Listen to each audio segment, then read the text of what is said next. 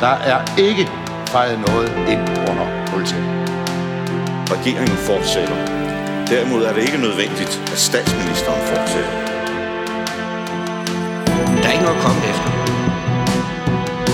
Per Helle, pas rigtig godt på dem. De er kun til lås. Fordi sådan er det jo. Ja, jeg kan bare sige, at der kommer en god løsning i morgen. Velkommen til Ministertid Live, det vi kalder Danmarks mest eksklusive debatprogram, hvor adgangsbilletten til at være med i studiet er et forhenværende minister på visitkortet. I dag skal vi diskutere Arne-pension, videregående uddannelser, mobning på Christiansborg og svingdørskultur om politikere, der hopper direkte fra ministerposten og ud i interesseorganisationerne. Til at diskutere disse emner har jeg et stærkt hold, bestående af forhenværende Justits-, Fødevare, Social- og Integrationsminister for Socialdemokraterne, Karen Hækkerup, der hopper ind i studiet. Velkommen til dig. Tusind tak. Forhenværende konservativ transport- og sundhedsminister Jakob Axel Nielsen. Velkommen til dig. Mange tak. Og forhenværende social, fødevare, ligestilling, fiskeri, nordisk minister Eva Kjær Hansen fra Venstre. Flere af posterne flere gange. Også velkommen til dig. Tak skal du have. Mit navn er Simon Emil Amitsbøl Bille, og du lytter til Ministertid live på 24 /7.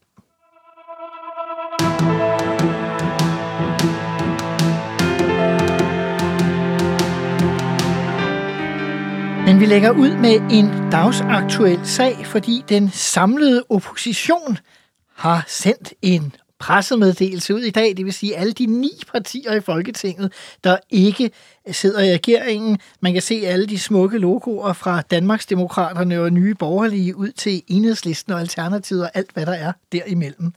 Den samlede opposition vil lempe offentlighedsloven. De siger, at øh, nu har vi endda en flertalsregering, og det gør det endnu mere aktuelt, at man kan se regeringen i kortene. Og de kommer med en øh, lang række konkrete initiativer, der handler om øh, anvendelsesområdet af ministerbetjeningsreglen og folketingspolitikerreglen, som de gerne vil have begrænset. Offentlighedsloven har jo været stærkt øh, omdiskuteret, siden den blev foreslået under konservativ justitsminister Lars Barfod og blev vedtaget, så vidt jeg husker, under socialdemokratisk justitsminister Morten Bødskov under SRSF-regeringen. Hvad siger du, Eva Kjær Hansen, der har været minister længst?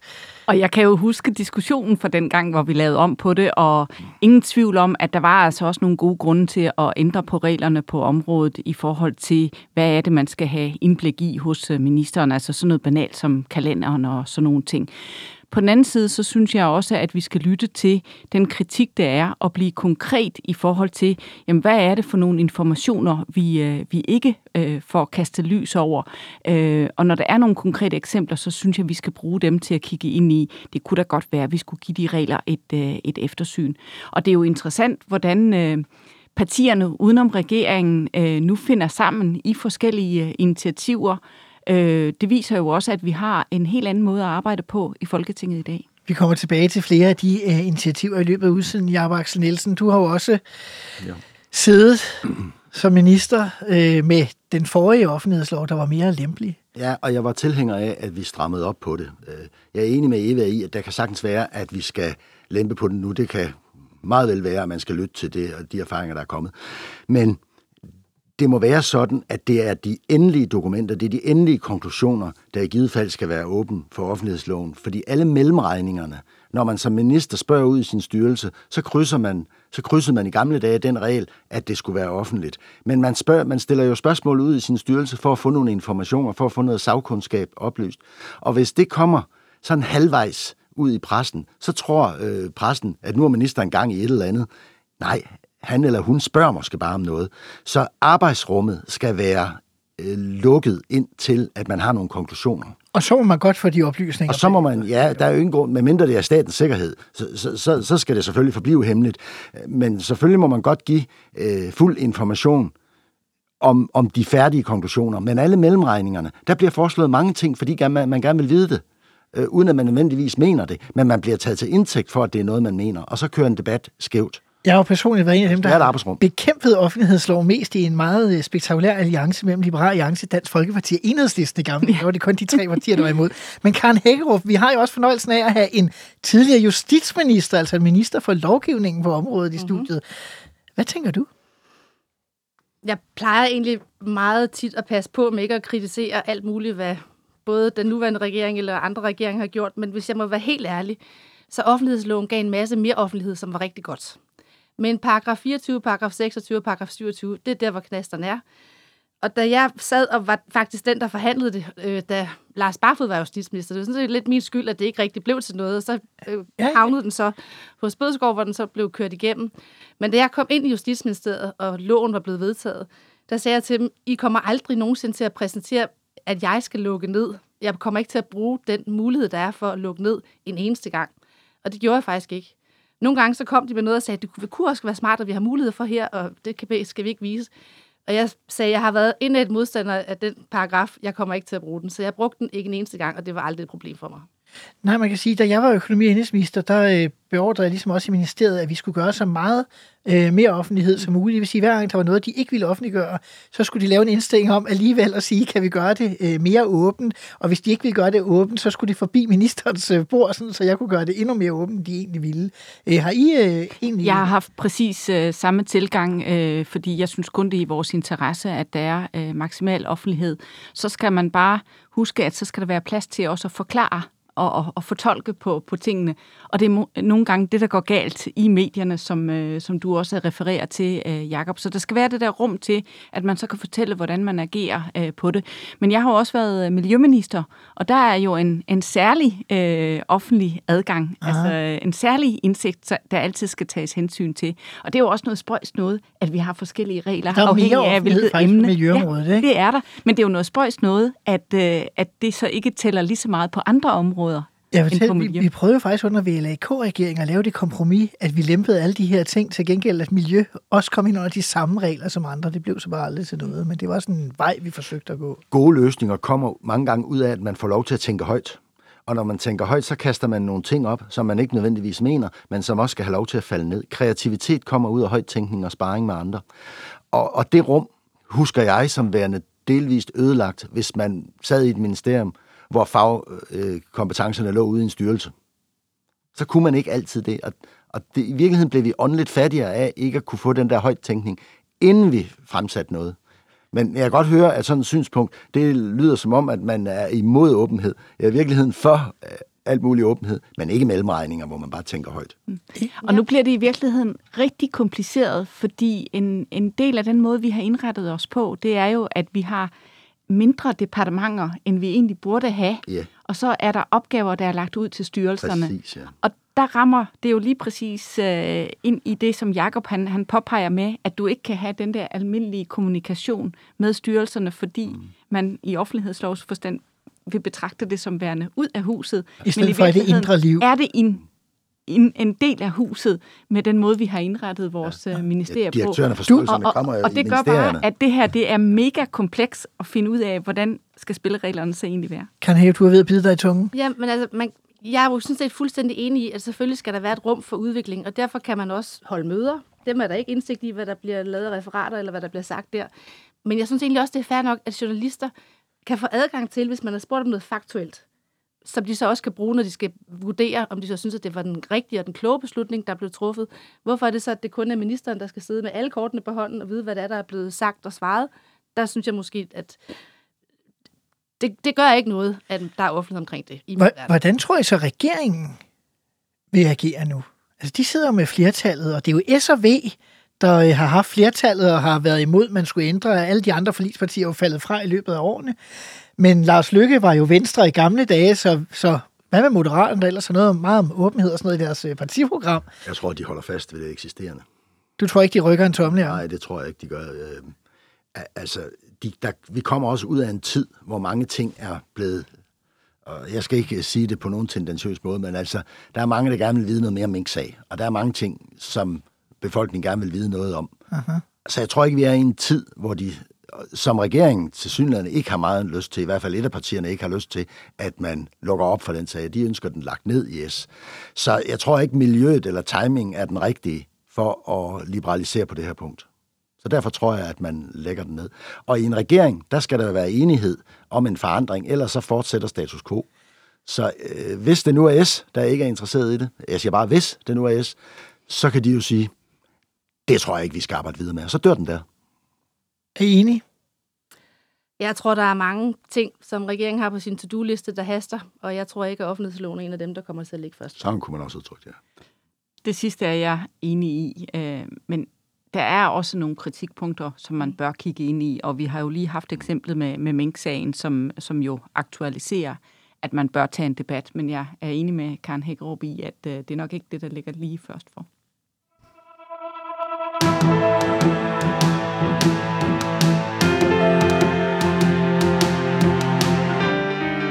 Men offentlighedsloven er ikke det eneste eksempel på, at nye alliancer de øh, udspiller sig i dansk politik i de her uger. Berlingske Tidene havde en artikel med overskriften Ny Alliance, og der er ikke tale om det hedengangne parti, åbner hårdt op øh, åbner hårdt opgør med regeringen om danskernes pension.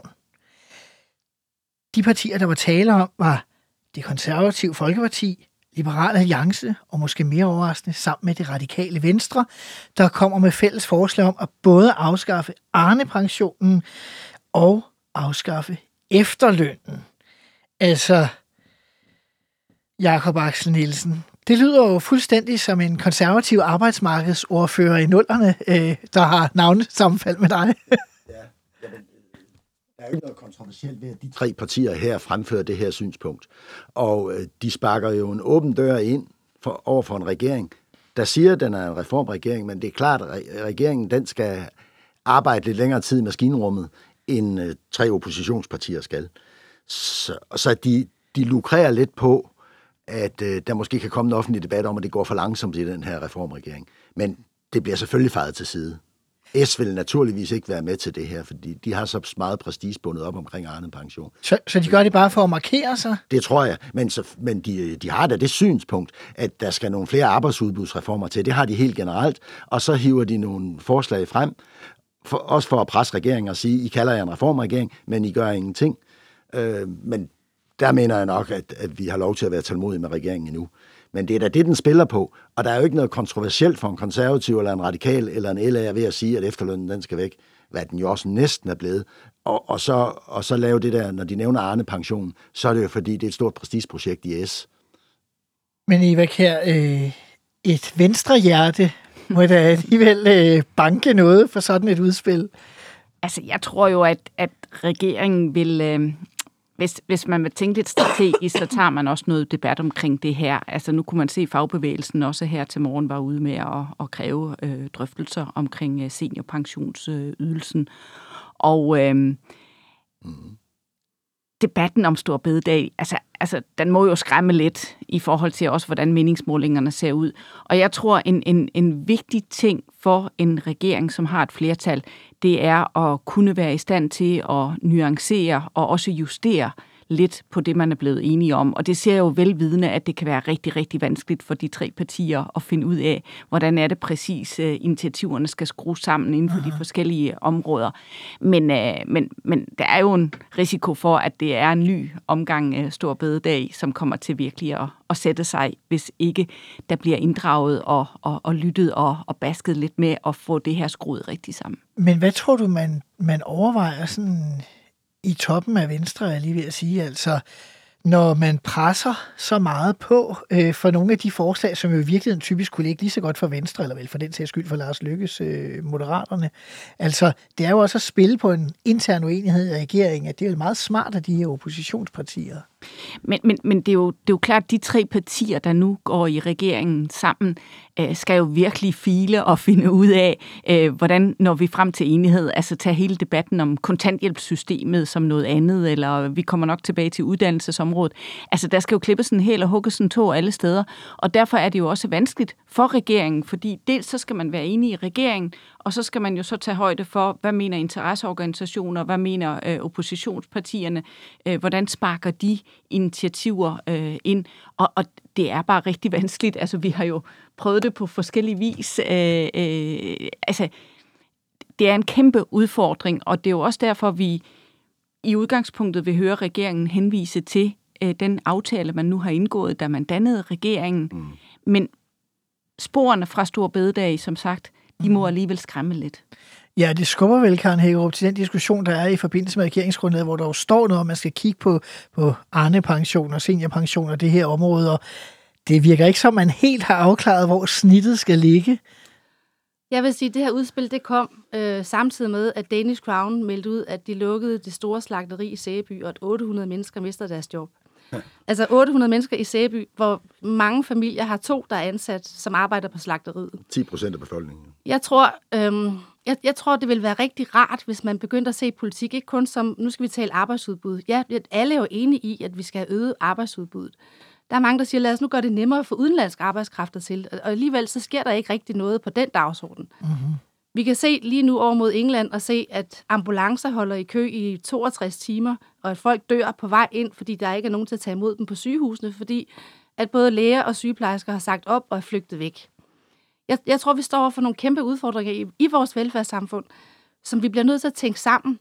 Og hvis man tænker i, hvordan man gør det mere attraktivt at være i arbejde, så tror jeg, der vil være langt færre, der vil ønske sig sådan set at trække sig tilbage. Mm-hmm. Men der er nogle mennesker, der ikke bare kan gå ud og finde et nyt job. Vi har masser af kritik af seniorer, der ikke bliver kaldt til samtaler. Jeg tror, Arne Pension og seniorordning, den ene omfatter 10.000 mennesker. Det er ikke der, Danmarks fremtid øh, bliver afgjort. Lad os nu i stedet for have fokus på, hvordan får vi løst de kæmpe udfordringer i sundhedsvæsenet? Hvordan får vi skabt mere mere arbejdsudbud og flere arbejdspladser og, og bedre forhold for de private erhvervsdrivende, også i udkants Danmark. Det tror jeg vil være noget, som danskerne vil kunne se sig selv i, i stedet for, at man hele tiden skal snakke om noget, der er så vigtigt for den enkelte, nemlig, hvornår kan jeg trække mig tilbage? Det skal man altså ikke lave om fra det ene år til det andet. Det bliver nødt til at være noget, folk kan forholde sig Og det er jo fair nok i forhold til den politiske diskussion. Jeg synes jo bare, der er noget interessant i, et af vi lige snakket om, at ni partier gik sammen. Her er der jo noget interessant i, at konservativ LA, der lige har siddet i regeringen indtil for nogle år siden med Venstre, går sammen med de radikale, der traditionelt i hvert fald i de seneste årtier har siddet i regeringen med Socialdemokraterne. Det er jo det, der er det interessante. Ah, er det nu det? Altså, de siger jo ikke noget, de ikke mener. Altså, Ej, det er klart. I, I øvrigt er jeg ret enig med, med Karen med i det større billede. Og, og det er her, jeg synes, vi må give den her regering, som er et... Øh, et fornuftsægteskab. Giv den en chance for at se, om den kan fuldføre nogle reformer på en større dagsorden, end S ikke kun alene med, med venstre opposition, og vi heller ikke kunne i Blå Blok med den øh, støtte, vi havde på vores højre side. Uh-huh. Så der synes jeg, vi må give regeringen en chance. Men nu, nu spørger... Jeg giver bestemt regeringen en chance. Jeg synes bare, det er spændende at se på de men, dynamikker, det skaber men, i dansk men, politik, men, også uden for jo, regeringen. Men den her regering, som taler om, at den, den har skrevet sit regeringsgrundlag og kommet med forslag på et uheldigt tidspunkt, fordi de vidste jo ikke, da de lancerede det, at så der bliver der fyret 800 mennesker i Sæby. Den, når den skal ud og lave de her reformer... Øh, nej, nu mister jeg sgu lige tråden. Ja, men så tager jeg den op, ja. fordi det, jeg jo synes er, er, er, er vigtigt i den politiske situation, vi er i, det er, at, at man jo ikke bare får brugt det snævre flertal, der er bag regeringspartierne, men at man netop rækker ud og, og holder fast i det, jeg jo synes har været kendetegnende for dansk politiks kultur, at vi prøver at fagne bredt og lave nogle langsigtede løsninger, altså som Karen Hækkerup er inde på. Altså, altså folk kan jo ikke være tjent med, at vi laver om på pensionssystemerne Aha. hele tiden, og hvilke muligheder der er. Så, så der vil det jo være vigtigt, at, at man rækker lidt ud. Og så spørger du til de der konstellationer, der nu kommer. Øh, og, og der er jo ingen tvivl om, at det er jo et helt andet, andet folketing, vi har nu. Jeg har prøvet det faktisk, fordi jeg har jo været med i så mange år, og der sker bare noget, når du pludselig har et flertal i en regering. Altså, der bliver en helt anden lukkethed i forhold til Folketinget. Meget mere kommer til at foregå over i, i ministerierne, mm-hmm. og derfor er der i virkeligheden en særlig forpligtelse til at prøve at åbne op og sige, kan vi finde nogle flere partier, der gerne vil være med? Det, der jo så også kendetegner Folketinget nu, det er, at du har det store socialdemokrati, og så har du rigtig mange partier, der knap er så store. Så det er jo også svært at have kræfterne i forhold til og, og, øhm, og, og netop kommer op imod aha. hele regeringsapparatet. Aha, aha. Karl Hæger, du sidder Jeg vil sige, at min erfaring fra at være i regering, det er, at det gælder om at spille hinanden stærk. Altså, hvis der er et parti, der har et problem, så skal de andre partier sørge for at hjælpe, så man finder en løsning. Man kan ikke bare køre hinanden ned. Du sidder og tænker jo, på det, det social... det er gjort, socialdemokratiske dagpengetraume for ja, Thorning-regeringerne, eller hvordan? Det er nok stadigvæk lidt. ja. Men hvis jeg skal se det sådan fra i sådan et overordnet perspektiv, så vil jeg sige, at vi står i den her diskussion lige nu, fordi vi stod i en valgkamp, hvor der var 12 partier, og hvor Mette Frederiksen gik til valg på at lave en bred midterregering, og det var der ikke rigtig nogen, der egentlig troede på. Samtidig går hun så ud og lancerer Arne Plus for at sige, at hun også gerne vil noget på den dagsorden. Mm-hmm. Og du spurgte selv i dit indledende spørgsmål, at det her bare noget spil for galleriet, og det er bare lidt drilleri. Og det er jo lige præcis det her, der er årsagen til, at vi har fået en bred regering. Altså, 12 partier, der bare kan blive valgt ind, og hvor man hele tiden er afhængig af, at hver enkelt mandat, der kan skifte parti og hoppe ud og blive løsgænger, laver alting om. Det er jo noget, et, et arbejdsrum, der er fuldstændig umuligt at håndtere og være i. Og det var derfor for at komme væk fra alt det der træklatring, at man sådan set sagde, lad os nu prøve at lave den her brede regering, så man ikke er afhængig af, at når gaspriserne stiger, så siger vi, øh, det kunne da være en god idé, hvis vi hjælper de forbrugere, der bliver påvirket af det. Men så nej, fordi enhedslisten var dengang sådan set et bærende støtteparti, så der går straks en diskussion om, at det skal være fordelingspolitik, og så får man lavet en løsning, hvor man får givet pengene til de forkerte, og pengene kommer alt for sent. Men, men kan, Hækker, kan, man ikke se, kan man ikke se det her udspil for de tre partier på to måder? Man kan jo både se det som sådan et, om vi kan det hele og drille Venstre og måske Moderaterne, de sidder gennem Socialdemokraterne, men man kan vel også vende det om og sige, de prøver at sige, jamen vi vil også noget med tilbagetrækning, ligesom regeringen vil, og vi prøver at spille os ind på en bane, hvor vi har nogle forslag, og derfor kan vi deltage i en diskussion, i stedet for dem, der bare er imod. Jo, men nu har vi snakket om, vi taler om, at den her regering er født ud af, at man skal tage nogle lidt større dagsorden. Aha. Det går den så i gang med. Øh, de her tre regeringspartier, de kommer ud med noget, der tidligere har været meget, meget kontroversielt, og som de altid selv har ment.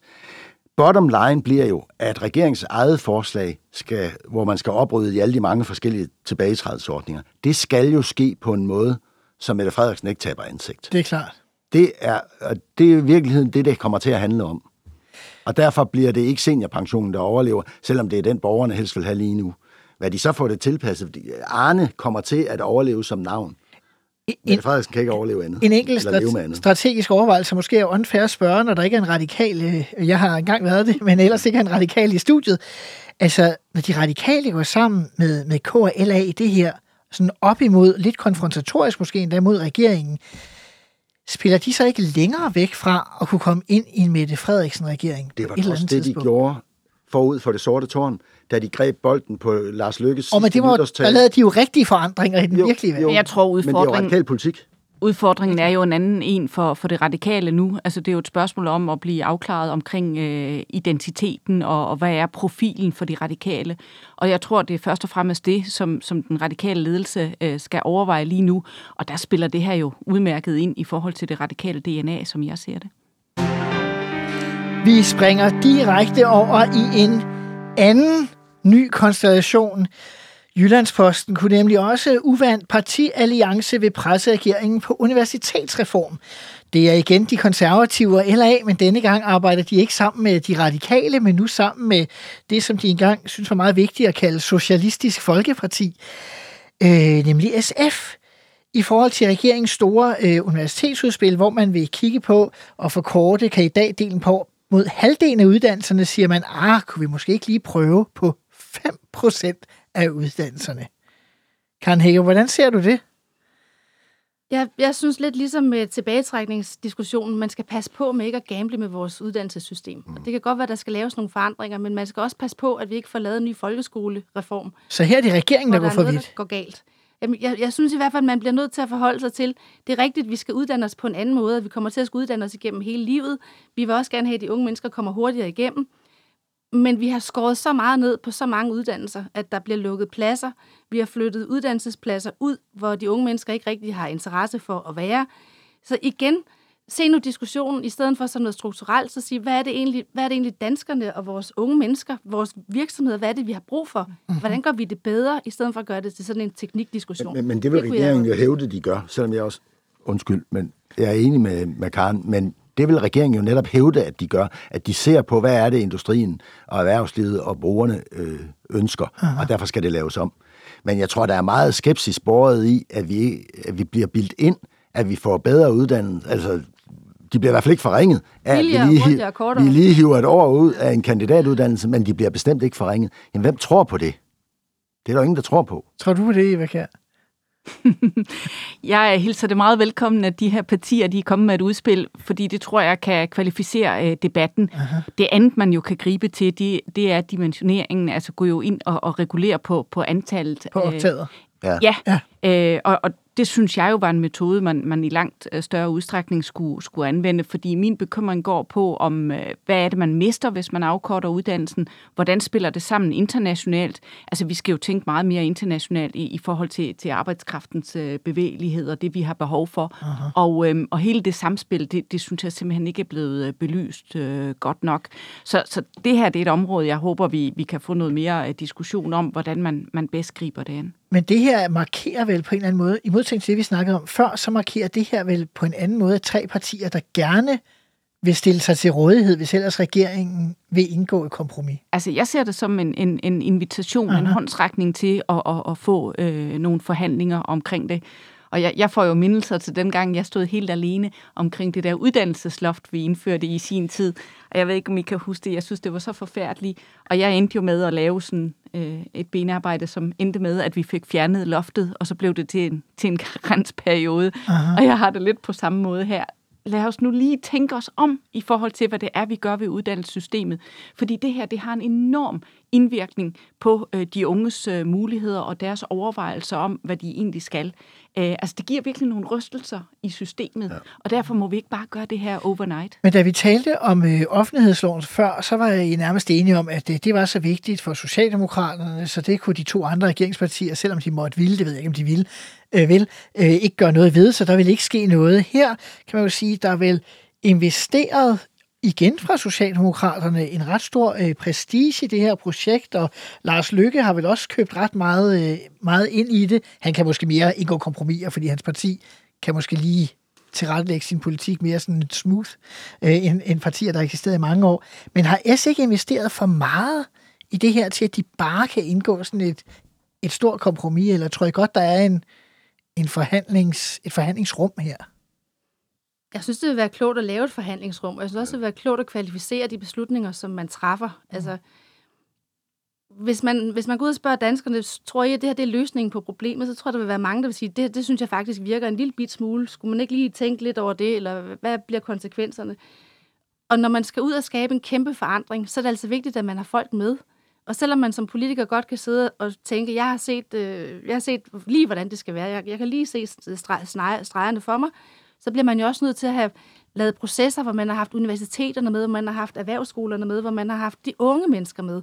Fordi hvis ikke der er nogen, der synes, at, at den løsning, der kommer, er noget, der er et gode, og noget, der bliver bedre, så vil det jo bare være noget, der igen møder kritik. Så jeg synes, hele processen, der skal man altså huske at få interessenterne med. Men er det ikke sådan en flertalsregerings indbygget dilemma? Man ved ikke, om man har flertallet mere end en enkelt valgperiode. Måske kan man ikke engang holde sammen i alle fire år, så man har både muligheder, men man har også lidt travlt, fordi man skal gøre det, mens man stadig kan. Jo, jo, jo, men altså, man behøver ikke at sige, bare fordi vi nu er en reformregering, så skal vi lave alt det onde, vi kan komme på så hurtigt som muligt. Øh, og, øh, måske man også skulle sige, hvad er det egentlig danskerne og vælgerne og de unge mennesker og, og virksomheder, hvad er det egentlig for nogle problemer og udfordringer, de står med, og som de gerne vil finde gode løsninger på. Men, men det kan ingen jo være imod, men nu spurgte du, om vi troede, at øh, regeringen har vilje til at gå igennem med det her.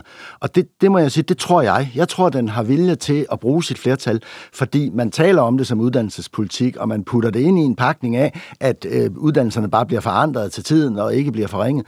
Fuldstændig som man også lavede en fejl ved at kalde stor bededags afslutning noget med krigen i Ukraine at gøre. Nej, det var arbejdsudbud. Og det er også det, der er den bagvedliggende overskrift på regeringens hensigter her. Det er arbejdsudbudsreform, og det er det, der har bragt dem sammen. Så de ser det som arbejdsudbudsreform, så derfor tror jeg, at der er en stor vilje til at køre igennem, og så gøre alt det onde. Det er ikke altid, at det er den kloge måde, og det er nok heller ikke noget, man bliver populær af. Men Mette Frederiksen var heller ikke populær i lang tid i sin regeringstid. Hun var det så til sidst. Men er der, ikke stadig, er der ikke stadig den forskel, at det er svært at forestille sig, at Stor Bidedag bliver genindført øh, efter et valg? Men her, hvor at, øh, der ikke er nogen andre partier, man laver for livet med, og så pludselig kommer der et folketingsvalg efter et par år, er der så ikke en stor risiko for, at, at øvrige partier i Folketinget så bare vil sige, okay, nu trækker vi i håndbremsen på det vanvittige projekt, som den der SVM-regering havde kastet os ud i. I stedet for, at man lige får to-tre ekstra partier med, og dermed sørger for, at den reform, man faktisk laver, har langtidsvirkning. Sådan altså, jeg synes jo hele ideen i, i at, at lave store reformer, reformer, det er, at de også skal være langtidsholdbare, sådan så man får den effekt ud af det, som man gerne vil med reformerne.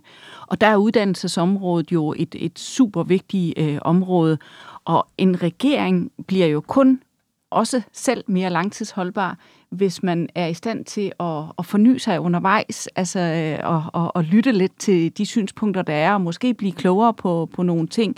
Så hvis man både gør det og, og siger, at vi kan godt justere lidt på det, og så samtidig sørge for at inddrage øh, andre af Folketingets øh, partier, så tror jeg simpelthen, man får nogle bedre og nogle mere langsigtede øh, reformer, som øh, vil være i danskernes interesse, og som vel egentlig også var det, der blev brugt som begrundelse for overhovedet at, at forme den her regering. Jamen, det tror jeg sådan set også. Jeg tror, de kører hjem.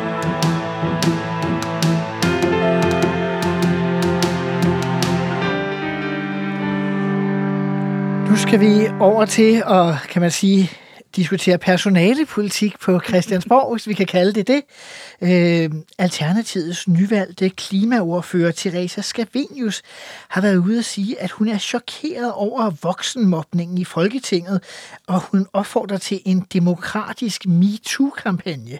Og bare lige for at understrege, så er det jo ikke første gang, man har talt om det her. Efter folketingsvalget i 2011, så skrev øh, daværende nyvalgte folketingsmedlem, senere kultur- og kirkeminister Mette Bock et indlæg om, at hun var chokeret over den voksenmobning, der foregik i, på, i Folketinget og på Christiansborg, efter at hun var blevet valgt. Kristi Dagblad havde dengang en artikel i forbindelse med det, hvor de inviterede flere eksperter, og de siger tilbage i 11-12 stykker, det er slet ikke nyt, at der bliver mobbet på Christiansborg. Det er der sådan set, at hvis man gennemgår det, de, de har gjort, så har der i hvert fald helt tilbage fra 70'erne, øh, kan man se, at der har været øh, dokumenteret, det påstår de, mobning på Christiansborg. Har I selv oplevet det sådan?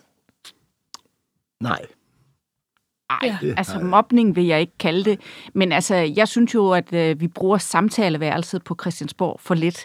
Øh, jeg synes faktisk, at folketingsmedlemmer de skulle være øh, tvunget til at mødes ind i samtaleværelset noget mere og tale om, øh, hvordan er det egentlig, man afvikler blandt andet øh, debatterne på Christiansborg. Aha. Det jeg kan se nu på det nyvalgte øh, folketing, hvor der er jo rigtig mange nye, der aldrig har, har været i politik før, det er, at, øh, at øh, der nok jeg nævnte tidligere, at vi har mange små partier. Altså, der er rigtig mange partier, og der er rigtig mange små partier.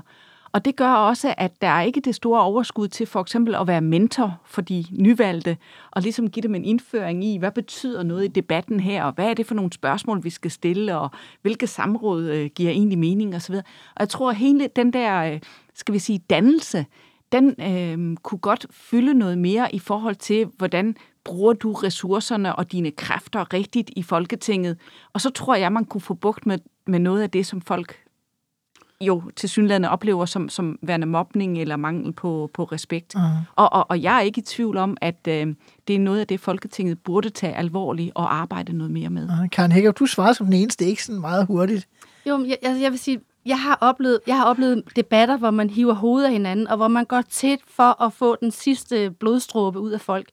Men når debatten er slut, så har det faktisk altid været min oplevelse. Mm. Altså, så går man ud, og så siger man, gud, der fik du fandme skovlen under mig. Altså, Ja, enig. at, at der er et kollegialt fællesskab, men at selvfølgelig, så, når man debatterer, så er det med fuld kampgejst, og der går man efter struben. Men, Fordi man kæmper om magten, og man kæmper om at vinde. Men, men det, der så er påstanden nu, det er, at det bliver mere personligt, end at det er sagen, ikke? Ja, og det tror jeg også skylder, eller igen spiller sammen med også noget af det, som du nævner, Eva, med, at, at der er 12 partier. Altså, det, det handler lige pludselig meget om, kan jeg være i det her parti? Nej, nu laver jeg mit eget parti, eller nu ja. laver jeg et nyt parti. Der er ikke den samme sådan, øh, indføring i, øh, at man er der for en sag, og man kæmper for noget andet end sig selv. På en eller anden måde, så er det blevet meget koncentreret om de enkelte. Og Men- det tror jeg godt kan være også lidt en udfordring. Hvis jeg nu skal rose deltagerne i programmet, og måske meget af dem, jeg får ind her, fordi det er jo mange, øh, der har været ministre, og de har været langt fremme i partierne osv., at øh, kan der ikke også nogle gange være den oplevelse måske, at øh, mange af dem, som øh, har retorikken og fagligheden og erfaring i orden, øh, vi kan slås med hinanden, og bagefter kan vi drikke en øl og sige, det var meget sjovt osv., mens at øh, nogen, der måske enten er nye, som Eva siger, eller nogen, der måske ikke er så fagligt eller retorisk stærke, de kan tænke, hold da kæft, hvad blev jeg lige udsat for her? Det har jeg ikke tænkt på. Det kan der sagtens være. Men der synes jeg faktisk, at vi har, altså nu er jeg jo ikke politiker mere, og det er 10 Nej. år siden, jeg har været det, men der synes jeg faktisk, at vi passede på hinanden. Aha. Og at, man, og at man også gik hen og lige samlede folk op bagefter. Og jeg, det er i hvert fald ikke sådan, at jeg kan genkende, at det er mobning. Men, men, men der er bare sket en ændring. Mm. Øh, altså, jeg tror ikke, man tager sig af hinanden på samme måde øh, som, øh, som tidligere. Og øh, faktisk havde vi her for nylig, øh, der øh, hørte jeg i Folketingssalen en, en, øh, et medlem sige, "Jamen, jeg kan ikke svare på det her, fordi mit parti har ikke en politik på det her område. Altså, og det kan man jo så grine af, men på den anden side er det jo også ret alvorligt, fordi det er jo så et nyere parti, der måske ikke rigtig har fået drøftet det her igennem. Og så står man i en vanskelig situation. Og der synes jeg jo, det skal vi huske at, Den må og, bare- og, den burde i man bare tage at tage, tage hensyn til Ja, ja. hinanden. Ikke? Og så netop, som Karen er inde på, ah, vi skal også lige øh, beskytte hinanden lidt i forhold til, hvad vi bliver udsat for. Men jeg er egentlig lidt ked af at høre det, Eva siger, fordi Eva er jo den, der har været på Christiansborg sidst. For jeg Ja, og opfatter- først. Ja, Og først også, ja. først og sidst, ja. ja, det er rigtigt. Det er alt sammen rigtigt. Og ked af det, fordi jeg oplever ligesom Karen, at der er et godt kollegialt sammenhold. Vi er nemlig kollegaer. Det, nu talte vi offentlighedsloven før, og i Luther transparensbehov, så har vi også lavet flere og flere åbne samråd. Men hvad har vi fået ud af de åbne samråd? Jamen, det, vi har fået det ud af dem, at de virkelige forhandlinger og de ordentlige, hvor vi er i øjenhøjde med hinanden, de er så flyttet til samtaleværelset eller et andet sted på Christiansborg. Fordi der foregår ikke politik på et åbent samråd. Så vi skal, man skal passe på med ikke at forlade de fora, hvor der rent faktisk debatteres kollegialt. Men er der kommet for meget skuespil? Ja, det er der. Ja, da. Altså, det er også og- deres og- indtryk, at det er stigende. Altså, altså øh, øh, samrådene, det er, jo, det er jo bare sådan noget reality-show, ikke? Øh, Jeg, jeg var faktisk er tilhænger, af jeg var faktisk tilhænger af, at de skulle være åbne, fordi øh, jeg naivt troede, at det ville give øh, en inddragelse af borgere og dem, der er optaget af sagen. Og så troede jeg, at det ville øh, give noget selvjustits i forhold til, at man forbereder sig bedre, og man har et forløb med spørgsmål osv. Og, og det må jeg bare sige, det er ikke sket. Det er, man gentager pladen, den kører. Det, det bringer ikke nogen nogen steder hen. Nej. Og i virkeligheden, så burde man lukke de der samråd igen. Det ville kvalificere dem. Helt Nu kaster jeg lige en helt anden idé på banen. Man kunne også overveje at hæve spærregrænsen.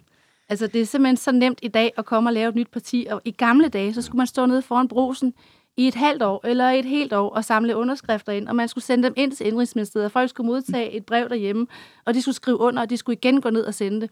I dag, der kan man gøre det øh, online, så på et par timer, så kan et parti sådan set være opstillingsparat.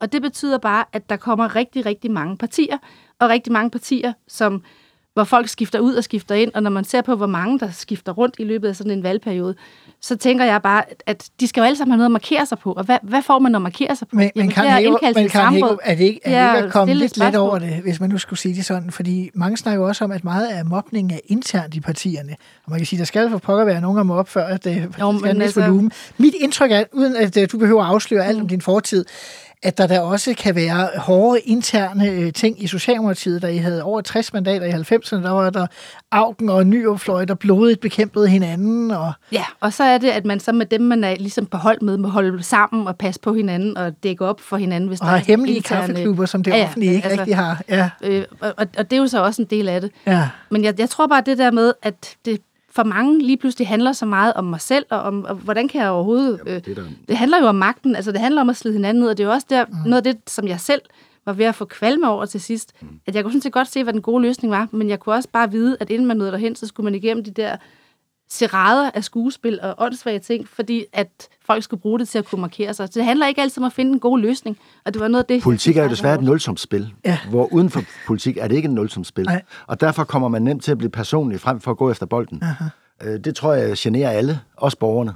Jeg synes i hvert fald, det er bemærkelsesværdigt, at i de her programmer, der tror jeg nærmest, man altid kan finde en løsning, som bare kan sidde og få lov til at snakke sig til rette, sådan tre-fire forhenværende minister i Det studiet. skal heller ikke vælges. Det er det. Men lige så snart man skal vælge, så skal man markere forskellene i stedet for enighederne. Øhm, Der er måske et issue for pressen her. ja, hvad tænker du? Jamen, jeg tænker jo på, at dem, der laver skuespil og fører an i et skuespil og siger noget, de dybest set ikke mener, eller måske er uladet sig gøre lidt, fordi det har det ansvarsløse synspunkt, som en opposition ofte har, de skulle måske afsløres lidt mere. Så tænker jeg, bliver gået for, for lidt til dem, der spiller... Ja, men jeg synes, pressen har en tendens til at ligestille øh, den til enhver tid værende regering med den til enhver tid værende opposition, som om, at det er to fuldgyldige, fuldgyldige samfundsbud. Og det er det ikke. Det er den til enhver tid værende regering, der har gennemtænkt det ansvarlige bud, uanset om den er rød eller blå, eller om det er en midterregering. Fordi det behøver oppositionen ikke gøre. Den har heller ikke regnekraften til det. Men men øh, fordi demokrati er født som noget edelt tilbage fra de græske kappestride, så fører journalisterne stadigvæk frem som om, at her, kære vælgere, her kan I vælge mellem guld og grønne skove og nedskæringer. Hvad vælger I? Og det er faktisk næsten altid en regering, der foreslår lige at Men stramme hvordan bardunerne får man lidt. så en ny regering i den situation? Jamen, jeg, var bare sådan lidt, lidt, lidt lyst til at sige, jeg tror bare, at tiden har forandret rigtig meget. Der er både kommet mange partier, der er deadlines hele tiden i pressen nu, og alle mulige steder, og det er sådan noget klik noget, så 24 det skal være hurtige øh, overskrifter. Men man skal ikke komme og sige, at det er pressens skyld. Man, skal heller ikke, øh, altså man bliver også nødt til at sige, Nej, det siger jeg ikke. Hvordan regulerer man egentlig sig selv? Hvordan Mhm. mm-hmm. regulerer man... Øh, og nu tænker jeg på, hvor mange folketingsmedlemmer, der bliver syge med stress. Mhm. Mm-hmm. Hvad har de selv af ansvar for egentlig at sige, lad os lige prøve at passe lidt bedre på hinanden? Mhm. Mm-hmm. Øh, og der tror jeg bare, det er vigtigt, at man ikke kun peger fingre af andre, men at man også siger, hvad kan vi egentlig her som arbejdsplads og kollegialt gøre, for at gøre det bedre for hinanden og os selv? Eva? Ja, og, og der er bare en udfordring med, at øh, partiernes grupper ikke er så store længere. Og det vil sige, at hele den opgave, man har, også i form af at kontrollere regeringen og komme øh, godt og grundigt ind i et lovforslag og dets detaljer osv., altså det når man slet ikke til.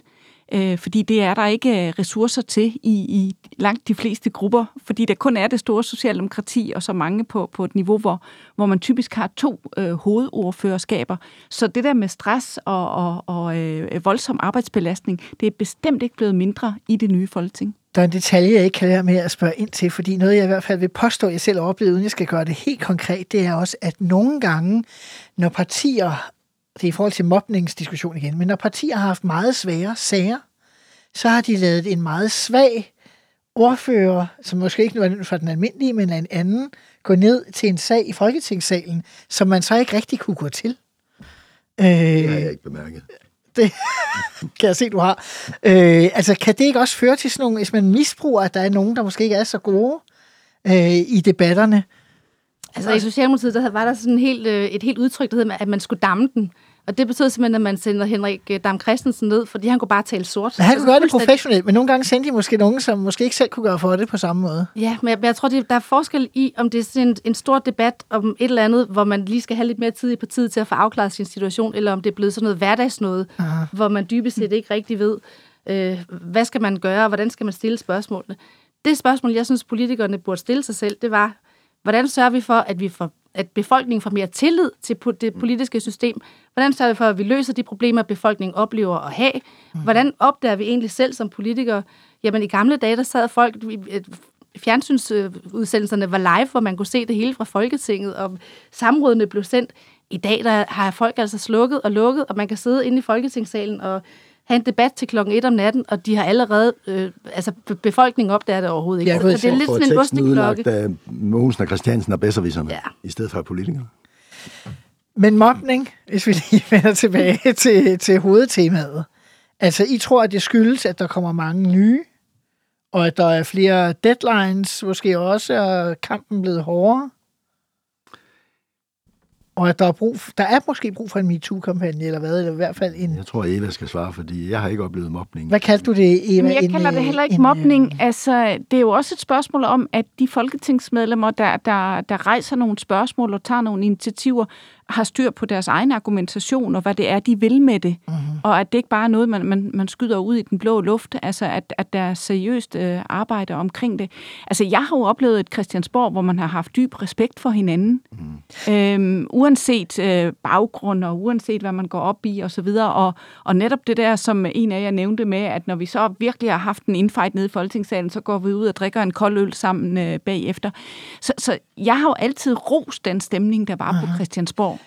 Men vi taler jo altid om det der med, at man gerne vil have flere udefra, som har haft en karriere i erhvervslivet osv. De to eksempler på dem, der har beskrevet mobning, det var en uh, Mette Bock og en Teresa Scavenius. De er vel nærmest prototyper på dem, vi snakker om, vi gerne ville have, der skulle være flere af, der kom ind i Folketinget. Jamen, der mangler simpelthen en, øh, en anerkendelse og en respekt for, at politik er et håndværk.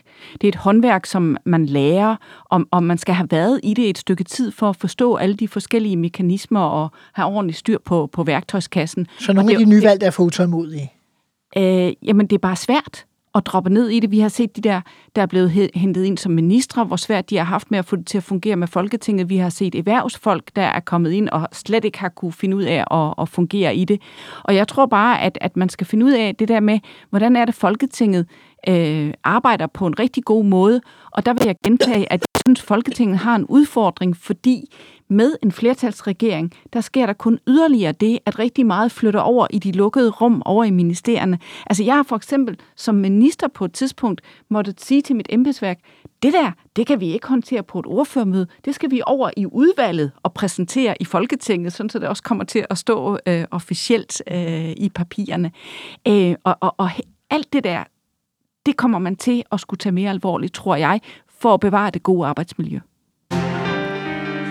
Og vi hopper videre hurtigt over til det næste emne, hvor øh, at Sofie Karsten Nielsen, den tidligere leder af det radikale venstre i den forgangne uge, meddelte, at hun forlader dansk politik til fordel for et job i dansk industri. Det har øh, medført øh, noget kritik i forhold til det, man kalder gyldne svingdøre, at politikere, der går direkte fra øh, Christiansborg, enten som folketingsmedlem eller som minister, og ud til et øh, job, øh, for eksempel i en interesseorganisation. Europakommissionen har tidligere været ude øh, også og give kritik af det øh, for nogle år siden, og sagde, at Danmark burde have mere tydelige regler. Karen Hækkerup, du øh, gik jo selv øh, fra Justitsministeriet og ud øh, som direktør i, i Fødevare og, og Landbrug og Fødevare. Mm-hmm. Kan du se problematikken? Jeg kan godt se den, øh, men jeg synes også, det er svært at, at pege på en løsning, fordi vi sidder alle sammen og siger, at vi vil gerne have dygtige politikere, øh, men man vil også gerne have nogle politikere, som... Øh, ja, ja, som jo... Som, jo, som, som, jo, som heller ikke er fastlåst. Som heller ikke er fastlåst. Er fastlåst og, og, altså, I virkeligheden, så vil man gerne give politikere en konkurrenceklausul. Uh-huh. Og øh, ude i det store almindelige samfundsliv, så, be, så betaler man hvis man vil pålægge folk en konkurrenceklausul. Der er nogen, der vil påstå, at det var eftervederlaget, ja. der var din konkurrenceklausul. Men det får man jo ikke, når man går til et andet job. Nej, det gør man, der ikke. Man ikke. Der bliver der modregnet. Der, der men det får man, hvis man ikke gør det. Men jeg synes i øvrigt også, at du er nødt til at sondre mellem, det gjorde du også lidt i dit oplæg med, om man er folketingspolitiker eller man er minister. Aha. Fordi en minister er chef i den udøvende magt, der kommer direkte fra et tæt samarbejde med hele embedsapparatet og den udøvende magt som repræsentant for den. Din egen partifælle, hvis øh, altså Brian Mikkelsen, han gik direkte fra at være erhvervsminister til at være direktør i Dansk Erhverv. Ja, det... og, han, og de har selvfølgelig også købt et rigtig godt netværk. Aha. Øhm, og jeg kan godt forstå, at man kan diskutere det. På den anden side vil jeg så også sige, at hvis vi vil have nogle dygtige politikere, så må man heller ikke pålægge en eller anden form for berufsverbot. Fordi der er rigtig mange ting, politikere i øvrigt er begrænset til, også sådan øh, normmæssigt, fordi øh, den store del af erhvervslivet kigger på politikere som nogle meget procesorienterede mennesker og lidt resultatorienterede mennesker, som man ikke rigtig vil invitere indenfor. Det er også en udfordring for mange. Så hvis det ender med, at man ingenting kan, så får vi nogle rigtig dårlige politikere, som bliver på Christiansborg for stedse. Hvad tænker du, Eva? Ja, ja, det kan nu også være udmærket. Ikke? Altså, Bertel Hårder har været der i lang tid og var i stand til at tage ja. nye initiativer. Og, ja, og, og, og, og nu har jeg faktisk behov for at sige, at man skal ikke forklejne den viden, man bygger op. Altså, jeg har selv sat nogle initiativer i værk, som jeg kun kunne gøre, fordi jeg havde så mange års erfaring, både som minister og som øh, folketingsmedlem. Aha. Jeg kan ikke se, hvad problemet er. Det kan jeg simpelthen ikke. Og jeg hilser det velkommen, at det er blevet nemmere for folketingsmedlemmer og ministre at få et job efterfølgende, fordi det har været en er det din, synes, er, er det din opfattelse? Øh, jeg synes i hvert fald, at vi ser flere, der kommer ud og, og, og, og får beskæftigelse. Det er så måske, fordi vi hører om, om flere. Men gennem årene har jeg jo også set rigtig mange kollegaer, der bare ikke har haft en mulighed og ikke er blevet anerkendt for det politiske arbejde, de har leveret. Ja. Jeg synes måske mere udfordringen er, at det ville også være lækkert, hvis der kom nogen den anden vej.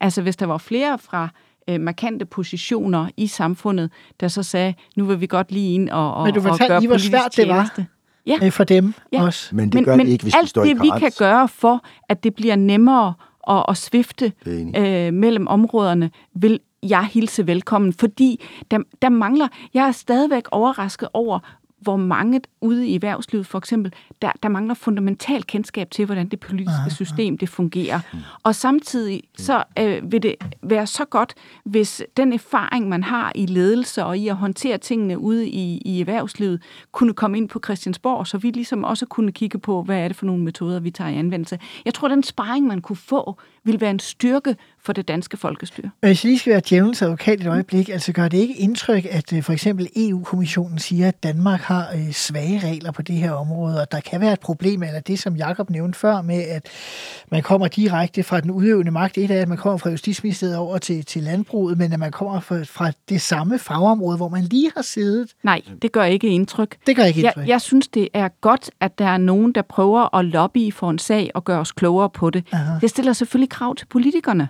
om, at vi sørger for at komme hele vejen rundt, og at vi sætter det ind i en kontekst om de værdier og de holdninger, vi har. Hvad synes vi, vi vil kæmpe for der? Men om jeg snakker med, med, med en, øh, øh mens jeg øh, øh, går til yoga, eller spiller tennis, eller jeg har et, et, et, et formelt møde, jeg har svært ved at se den store forskel i det. Og derfor alt det der med, at nu skal man registrere, hvem man holder møde med osv., jamen så går man jo bare et andet sted hen og drikker den kaffe. Altså politikere lever jo af interaktion med mennesker, der ved noget om, hvordan tingene fungerer i virkeligheden. Og det kan vi, øh, øh, altså vi kan ikke fungere, hvis ikke vi får den viden. Hvad hvis interesseorganisationen, bare lige to spørgsmål, jeg laver lige djævelens advokat Ja, her. det er så fint. Øh, hvad hvis interesseorganisationen enten øh, lige har fået vedtaget noget lovgivning, som har været meget profitabelt, eller for eksempel er storsponsor af det parti, som øh, man har repræsenteret? Nu skal der 90 mandater til. Ja, altså, det lød måske ikke sådan lige før, men jeg er faktisk fuldstændig enig med Eva. Og, og alle de der mange regler, jeg, jeg kalder dem egentlig afladsregler, for at man kan stå frem for en ekstrabladet. Men i virkeligheden burde vi erkende, at vi blander alt for lidt blod. Og de her regler, som vi taler om nu, hvis de skal indføres, det er, vil medføre, at man blander mindre blod. Og man får mindre erfaringsudveksling mellem politik, erhverv og offentlig sektor og uddannelsesområdet. Sådan. I, USA, de er faktisk rigtig gode til, at den ene dag kan man være ansat på et universitet, den tredje dag i den offentlige sektor, den fjerde dag i en privat virksomhed. Det er jo ikke noget, man ser i Danmark. Og jeg tror, vi har fået så mange afladsregler, fordi vi skal kunne forklare, at alting er så, så rent, så rent, så rent. Jamen, Sofia Karsten Nielsen har fået en viden, den køber dansk industri. Hvis hun kommer som lobbyist, så skal der stadigvæk 90 mandater til. Og hvis man tror, at de har deres egen vilje, så er der ikke noget problem. Kan der være det problem i virkeligheden, at øh, politikere på tværs af partier er for usolidariske, og det vil sige, at øh, når Karen eller Brian eller en anden får et job, så er der godt altid nogen, der ligesom kan sige, ah, det er måske også et problem, men når så pludselig det bliver Marie Gjerdinge, der får det fra enhedslisten, så synes de samme, der synes, det var et problem med nogle andre før, ikke længere det er nær så stort et problem. Altså, at der er for mange billige point og score, Ja, det når sagen kommer på. Altså, jeg havde personligt den overvejelse, om jeg kunne være det bekendt, men det var over for mine vælgere. Over for dem, der havde vist mig tillid, og som jeg faktisk havde lovet, at jeg ville arbejde og kæmpe for. Mm-hmm. Men omvendt så havde jeg det også sådan, at jeg havde været valgt i 17 år, og jeg trængte til at komme ud et sted, hvor vi skulle bygge noget op. Altså, hvor, hvor der var fælles værdier, hvor der var fælles retninger, hvor man gerne ville et sted hen. Og hvor der ikke hele tiden står nogen og kaster sidebomber og vejsidebomber og øh, alt muligt efter en, fordi at de er der kun for at ødelægge og ikke for at bygge noget op. For mig var, der var skiftet til Landbrug og Fødevare virkelig noget, jeg var så glad for, fordi at jeg netop kom væk fra det der miljø, der var i det, i det politiske, som jeg virkelig var blevet træt af, og over i noget, hvor jeg var en del af et hold, der byggede op, og jeg var så glad for det. Jeg kan ikke være med at tænke på, at i gamle dage, Thor Petersen var direktør i Jysk Rengøring. Ja. Altså, mens han sad i Folketinget. Ja, det er utroligt. Det var der ikke så mange, der... Nogen havde, men de fleste havde faktisk ikke problemer med det. Så det kunne man også dengang. Nå, ved I hvad? Udsendelsen den er ved at være i de sidste minutter. Øh, vi skal altid lige spørge lidt ind til regeringens øh, muligheder. Eva Kær, øh, for de, får regeringen andre partier med i uddannelsesreformen? Altså, det vil jeg Tror du? håbe. Oh, det er svært, men jeg vil håbe, at man gør det, fordi øh, vi skulle gerne have en langsigtet løsning. Jakob Axel, tror du, de laver øh, tilbagetrækningsforandringerne alene, eller kommer der andre partier med der? Der tror jeg, der kommer andre partier med. Altså, jeg kan ikke se nogen grund til, at LA og K og øh, Radikale Venstre ikke, ikke kan gå med et stykke af vejen. Bare fordi de ikke kan få 100% deres vilje, så kan de vel se sig selv i et stykke af vejen. Og Karen Hækkerup, hvad er konklusionen? Jeg stiller det her spørgsmål altid til en i panelet. Hvor lang tid får SVM-regeringen lov til at overleve? Ja, men det vil jeg ikke sidde og, og, og gisne om. Men altså, Folketinget går normalt fra omkring 5. juni, så der skal den lovgivning, der skal på plads nu, være, være klar. Så der er jo faktisk ikke så lang tid til, og der er store dagsordner på tapetet. Så jeg er slet ikke i tvivl om, at vi kommer til at se et meget, meget travlt forår i det politiske. Tak til Karen Hækkerup, tak til Jacob Axel Nielsen, tak til Eva Kær. Det var alt fra Ministertid Live i denne omgang. Jeg er tilbage igen næste fredag med et nyt panel. Og så er jeg tilbage i weekenden med ugens gæst, som faktisk sidder her i studiet, for det bliver nemlig også Eva Kær, hvor man kan i en klassisk ministertidsudsendelse høre om alle dine ministerposter og hvordan det gik. Det glæder jeg mig rigtig meget til. Tak for i dag, og på gensyn.